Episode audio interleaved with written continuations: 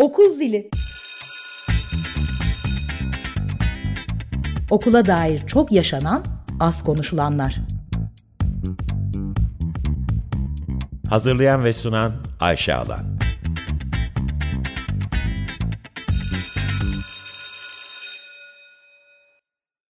...95.0 Açık Radyo'da Okul Zili programındasınız. Ben Ayşe Alan. İki haftadır bir perşembe akşamları eğitime dair, okula dair çok yaşanan, az konuşulan konu, konuları konuşuyoruz.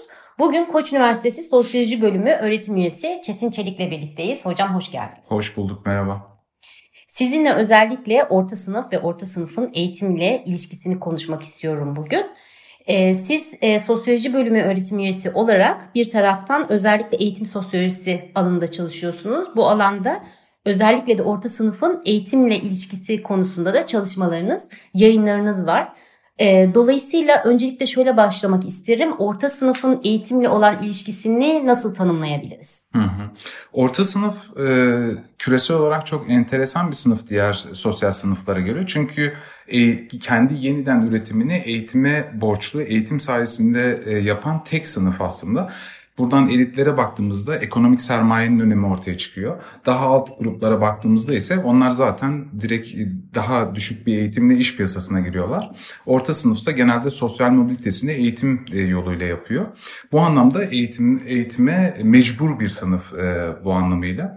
Şimdi Türkiye bağlamında da tabii orta sınıfın uzun bir serencamı var. Türkiye Cumhuriyeti ilk kurulduğunda e, bir burjuvazi yoktu. Dolayısıyla bu dönemde orta sınıf aslında asker ve memurlardan oluşan bir sınıf, devlete sadık asker ve memurlardan oluşan bir sınıf olarak ortaya çıktı. Ve bir takım imtiyazları oluştu zaman içerisinde. Ee, 1980'lere kadar bu böyle gitti ve orta sınıf genelde söylediğim gibi e, hareketliğini devlet okulları üzerinden yaptı. 1980'lerden sonra da öz, özelleşmeyle beraber belki biraz daha açarız konuşuruz. Hı hı. Yavaş yavaş yeni orta sınıf ortaya çıktı. Yeni orta sınıf aslında var olan devletle birlikte ortaya çıkmış orta sınıfın çocukları. Fakat e, anneleri babaları gibi bir iş garantileri yok. Daha çok özel sektöre giriyorlar. Daha riskli alanlarda çalışıyorlar. E, dolayısıyla da e, e, bu, bu sınıf yeni bir sınıf olarak eğitime e, yatırımına devam etti. Fakat bu arada işte özelleşme süreçleri ortaya çıktı. E, Dolayısıyla e, farklı stratejiler izlemeye başladılar e, kendilerinin ve çocuklarının sosyal mobilitelerini sağlamak için. Neyi kastediyoruz sosyal mobilite derken? Burada aslında mesleki hareketlilikten bahsediyoruz. Bir e, noktaya gelme, bir yer garantileme.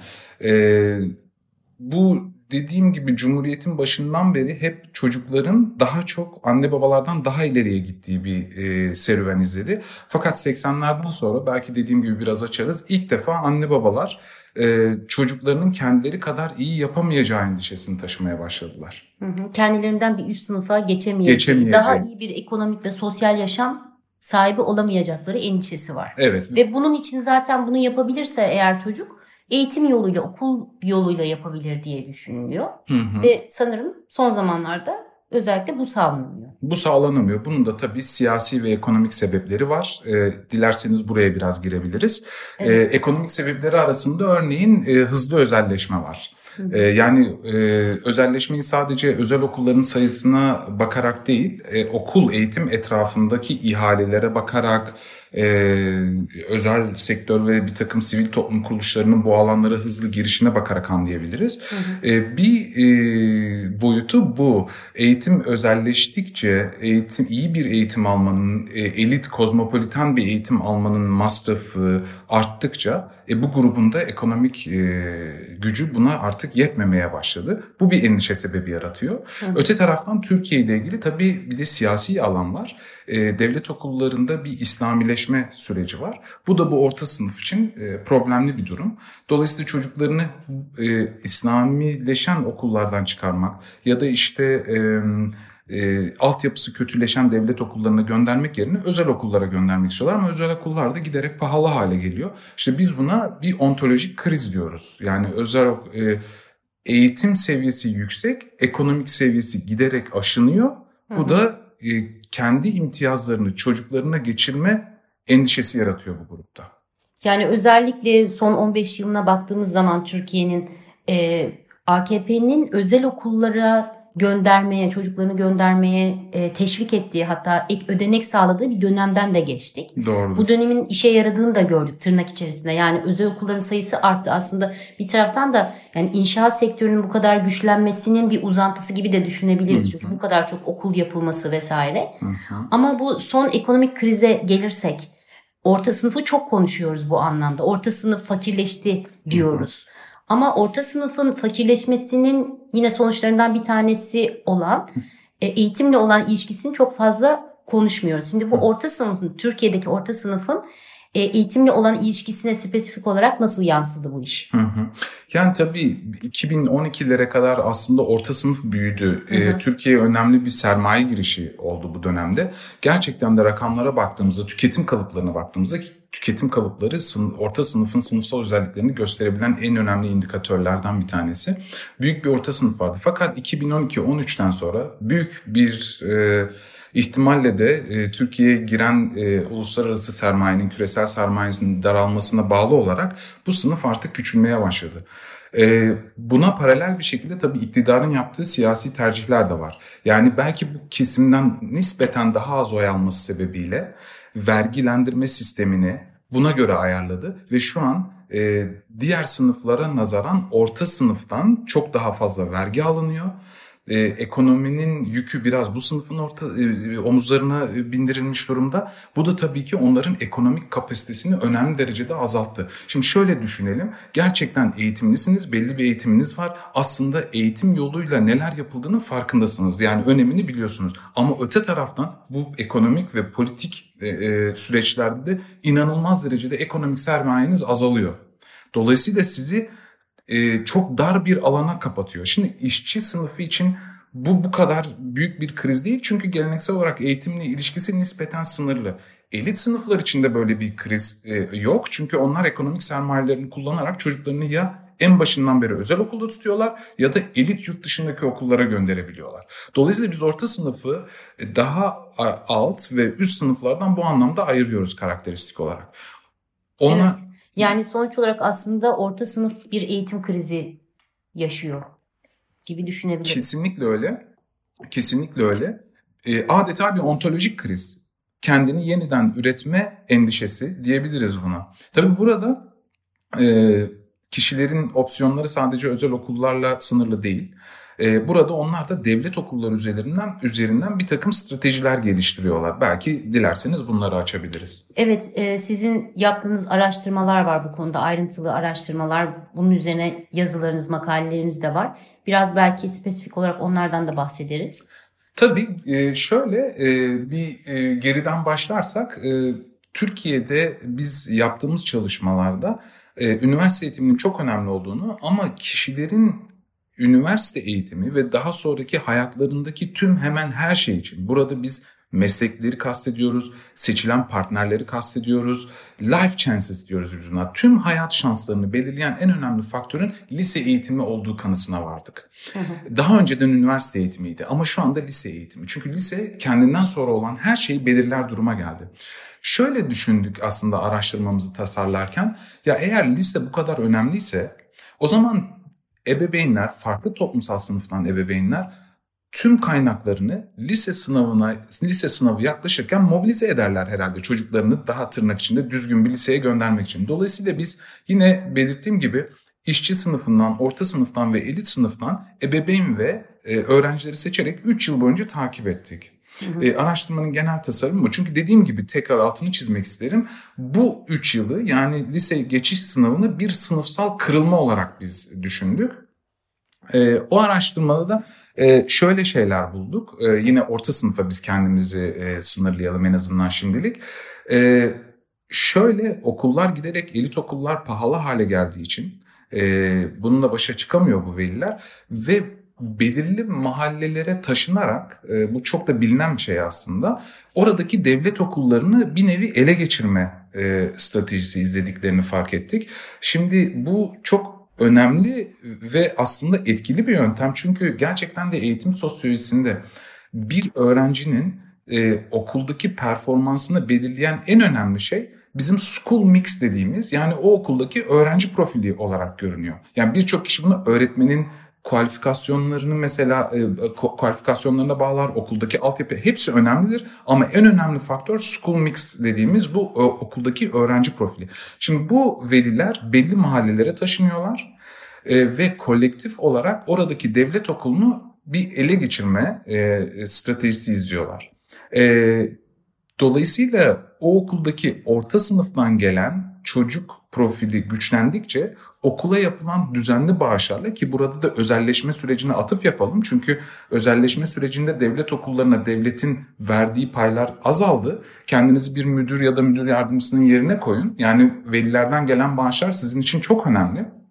Bu e, sınıftan ebeveynler düzenli bağışlarla e, devlet okullarında yani bizim makalede kullandığımız deyimi kullanırsak devlet okullarında özel okul gibi alanlar e, yaratıyorlar.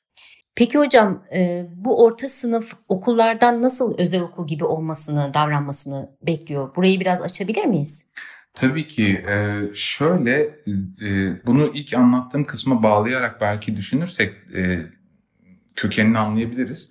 1980'lerden sonra o orta sınıfın yeni orta sınıfa dönüşümü aslında şöyle bir grup yarattı. Anne babası tipik orta sınıf ama çocuklar yavaş yavaş iyi bir eğitimden sonra piyasaya girmiş, beyaz yakalı işler yapan, riski yüksek ama kazancı da yüksek, yabancı dil bilen kişilerden bahsediyoruz biz burada. Ee, bizim yaptığımız araştırmada şöyle şeyler gözlemledik. Bu sınıf devlet okuluyla etkileşirken özel sektördeki bir takım ilkeleri devlet okullarının işleyişine empoze edebiliyor. Nedir bu? Mesela okulda bağış kampanyaları düzenlenirken tıpkı bir piyasacı şey hareketle markalaşma, çeşitli simgeler yaratma, daha çok kişiye ulaşma e, gibi stratejiler izliyorlar. Öte taraftan devlet okulunda e, kısılan ödeneklerden ötürü hayata geçirilemeyen birçok hizmeti yine bu grup kolektif olarak bir araya gelerek bunu yapıyor. Örneğin yine bizim araştırmalarımızda revire benzer bir birim yaratılması ya da işte okulda sıcak yemek çıkmasının sağlanması e, sadece okulun altyapısındaki problemleri gidermeye yönelik değil, aynı zamanda bizim müfredat dışı etkinlikler dediğimiz ve e, eğitimin sınıfsal karakterinin belki de en çok ortaya çıktığı olan alana önemli Özellikle orta sınıf bu alana çok kıymet veriyor. Okullardan biliyoruz. Kesinlikle öyle. E, hatta şöyle e, artık bu etkinlikler aracılığıyla her bir öğrencinin portfolyosu oluşturuluyor ki bir sonraki yurt dışındaki örneğin okullara başvururken bu portfolyolar çok önemli rol oynuyorlar.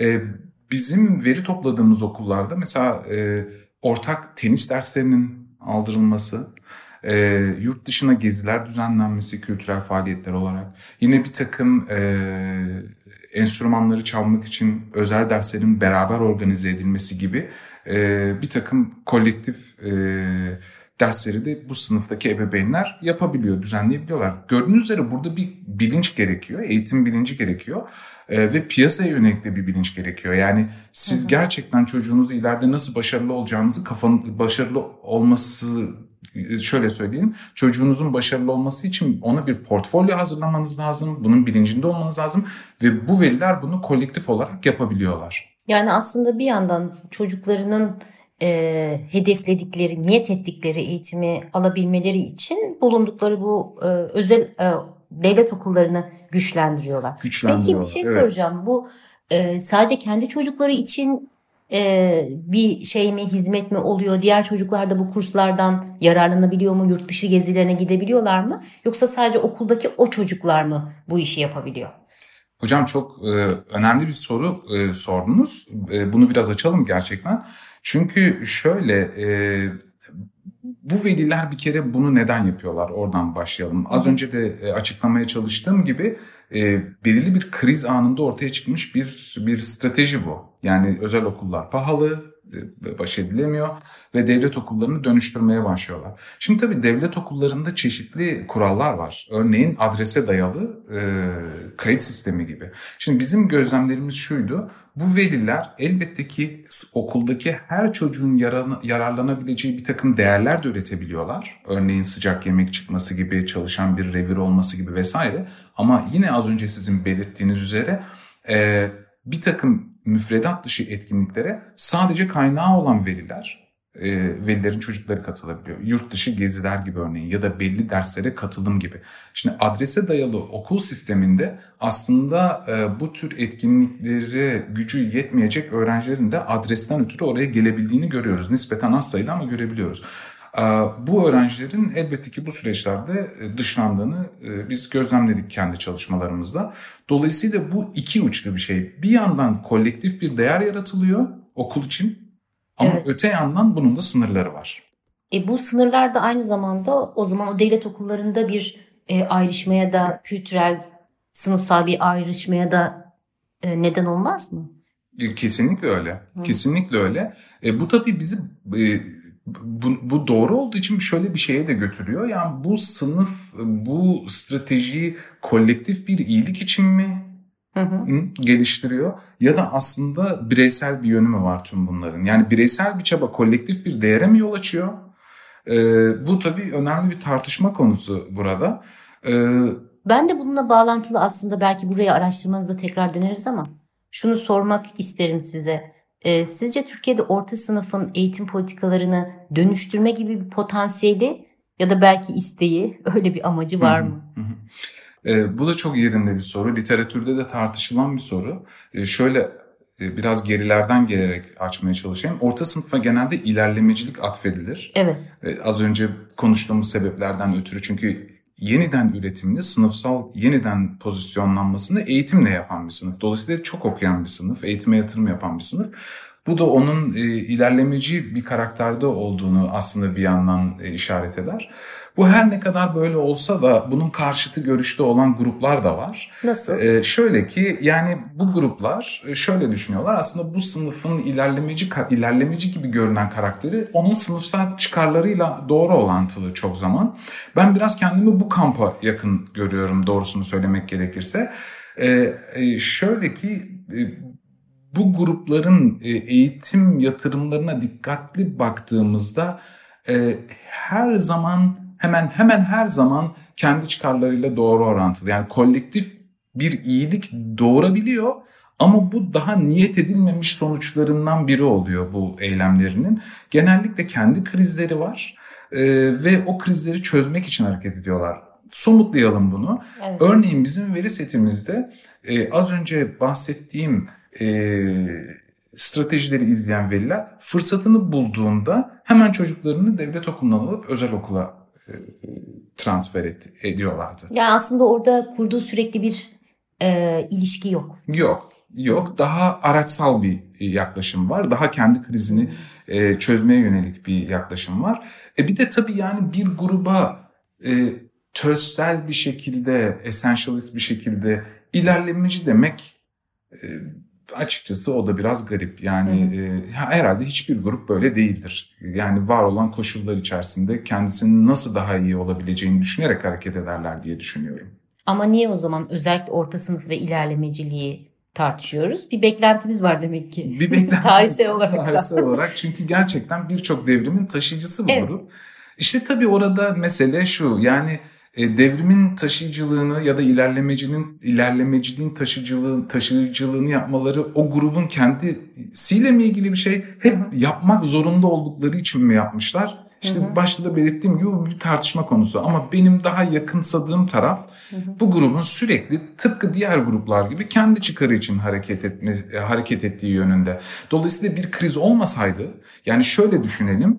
Eğer özelleşme ile ilgili bir kriz olmasaydı ya da iktidarın politikaları bu grubu bu kadar zor bir pozisyona sürüklemeseydi orta sınıf eğitimin içinde bulunduğu problemlerden bu kadar şikayet eder miydi? Hı hı. Çok emin değilim. Bilemiyorum. Evet, önemli bir soru olarak bunu tekrar böyle masaya koyalım. Belki zamanımız kalır tekrar bu konuya da döneriz ama araştırmanızla ilgili biraz daha ayrıntı almak isterim. Çünkü çok e, önemli bulgularınız var. E, spesifik olarak örnekler veriyorsunuz. Bir yere gidiyor bu aileler, yerleşiyor oradaki devlet okullarına, öğrencilerini gönderiyorlar.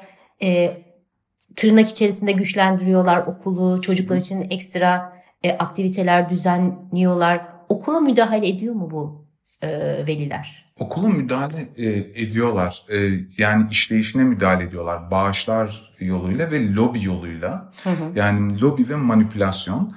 E, şimdi şöyle biz burada belirttiğimiz üzere çok eğitimli bir gruptan bahsediyoruz. Bunlar e, öğretmenleri ve müdürü müdürün üzerine önemli derecede baskı koyuyor.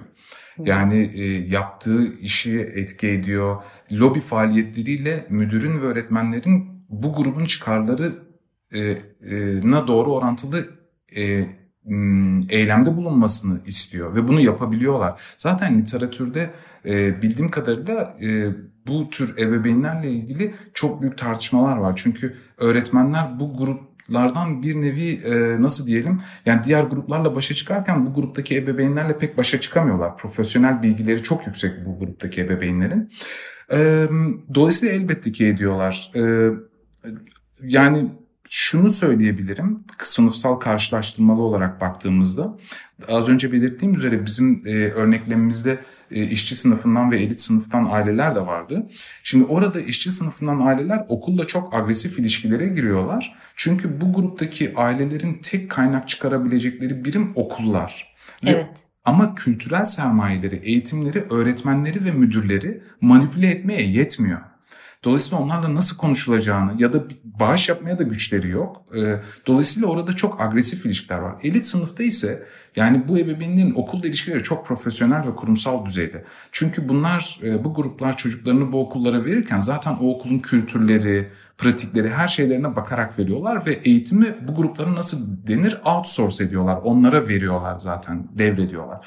Fakat orta sınıfta bu manipülasyon sürekli sahada sürekli gözlemleme lazım. Neden? Az önce belirttiğim gibi okul aslında bu sınıfın istediği standartlarda değil. Onlar çabalarıyla o standarda getirmeye uğraşıyorlar ve bu sürekli bir gözlem, bir nasıl diyelim monitoring, sürekli müdahaleyi gerektiriyor. Belki okulun içinde çok olma gibi. Çok olma gibi elbette bir örnek.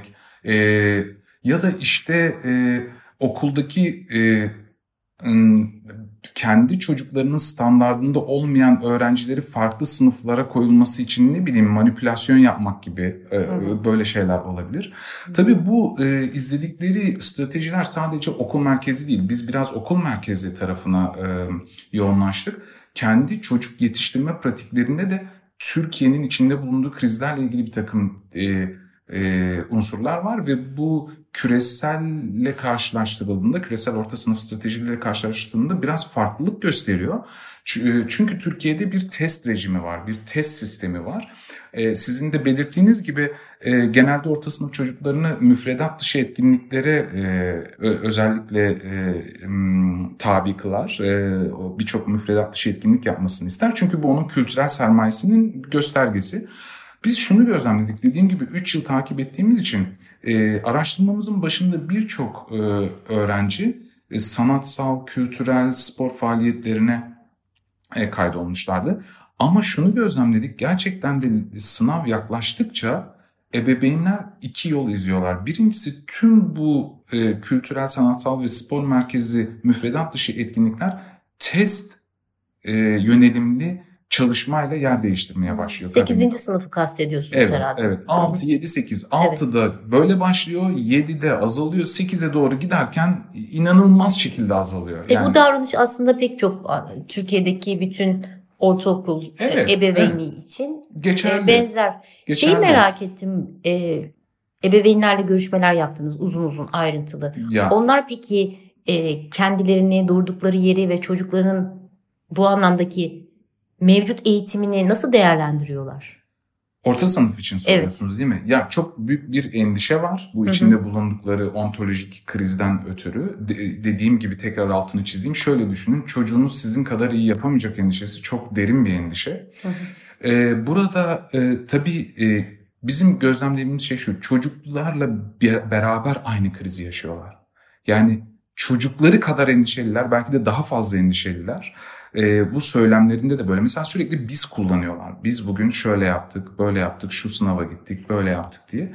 E, bu endişeye sonuna kadar ortaklar ve çocuklarının aslında e, tüm arkadaşlık ilişkilerine zamanla müdahale ettiklerini de gördük.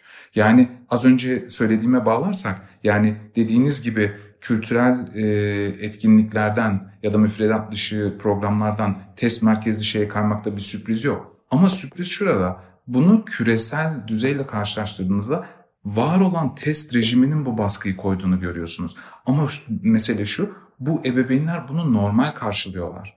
Yani e, ulus yani şöyle söyleyeyim size, tüm sanatsal et, e, ve spora yönelik etkinliklere yatırım yaparak kü, küresel kişiler yetiştirmek istiyorsunuz. Küresel düzeyde kültür düzeyi yüksek birini yetiştirmek istiyorsunuz. Dünya vatandaşı Dünya olsun vatandaşı. denir hep. Veliler bunu çok kullanır. Çok güzel söylediniz.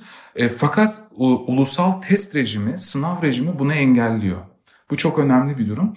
E, ve buna ek olarak e, e, tekrar şey söylediğiniz noktaya dönecek olursak sınav yaklaştıkça çocuklarının sadece müfredat dışı etkinliklerine e, aldıkları e, derslere değil arkadaşlık sistemlerine de karışıyorlar. Çocuklar giderek yalnızlaşıyor. Sınav yaklaştıkça yalnızlaşıyorlar ve bu hem çocuk hem de ebeveyn tarafından gayet normal karşılanıyor. Çünkü sosyal mobilite yapmanın tek yolu olarak bunu görüyorlar. Başka da bir çıkarları, e, özür dilerim, e, alternatifleri yok gibi zaten. Anlıyorum. Demek ki aslında yine konuşmamız üzerinde düşünmemiz gereken konulardan bir tanesi ister orta sınıf olsun ister diğer sınıflar olsun ebeveynin bu hayalleri, beklentileri, çocukları için aslında tahayyül ettikleri geleceğin çocuklar üzerindeki etkisi olabilir, Olabilir. diye düşündüm Evet. anlattıklarınızdan. Hocam programımızın sonuna geldik. Çok teşekkür ediyorum katıldığınız için. Çok değerli bilgiler verdiniz. Hem görüşleriniz hem de araştırmalarınızı aktardınız. Çok teşekkürler tekrar. Ben teşekkür ederim davet için. Açık Radyo'da Okul Zili programındaydınız. İki hafta sonra Perşembe akşamı tekrar birlikte olacağız. İyi akşamlar.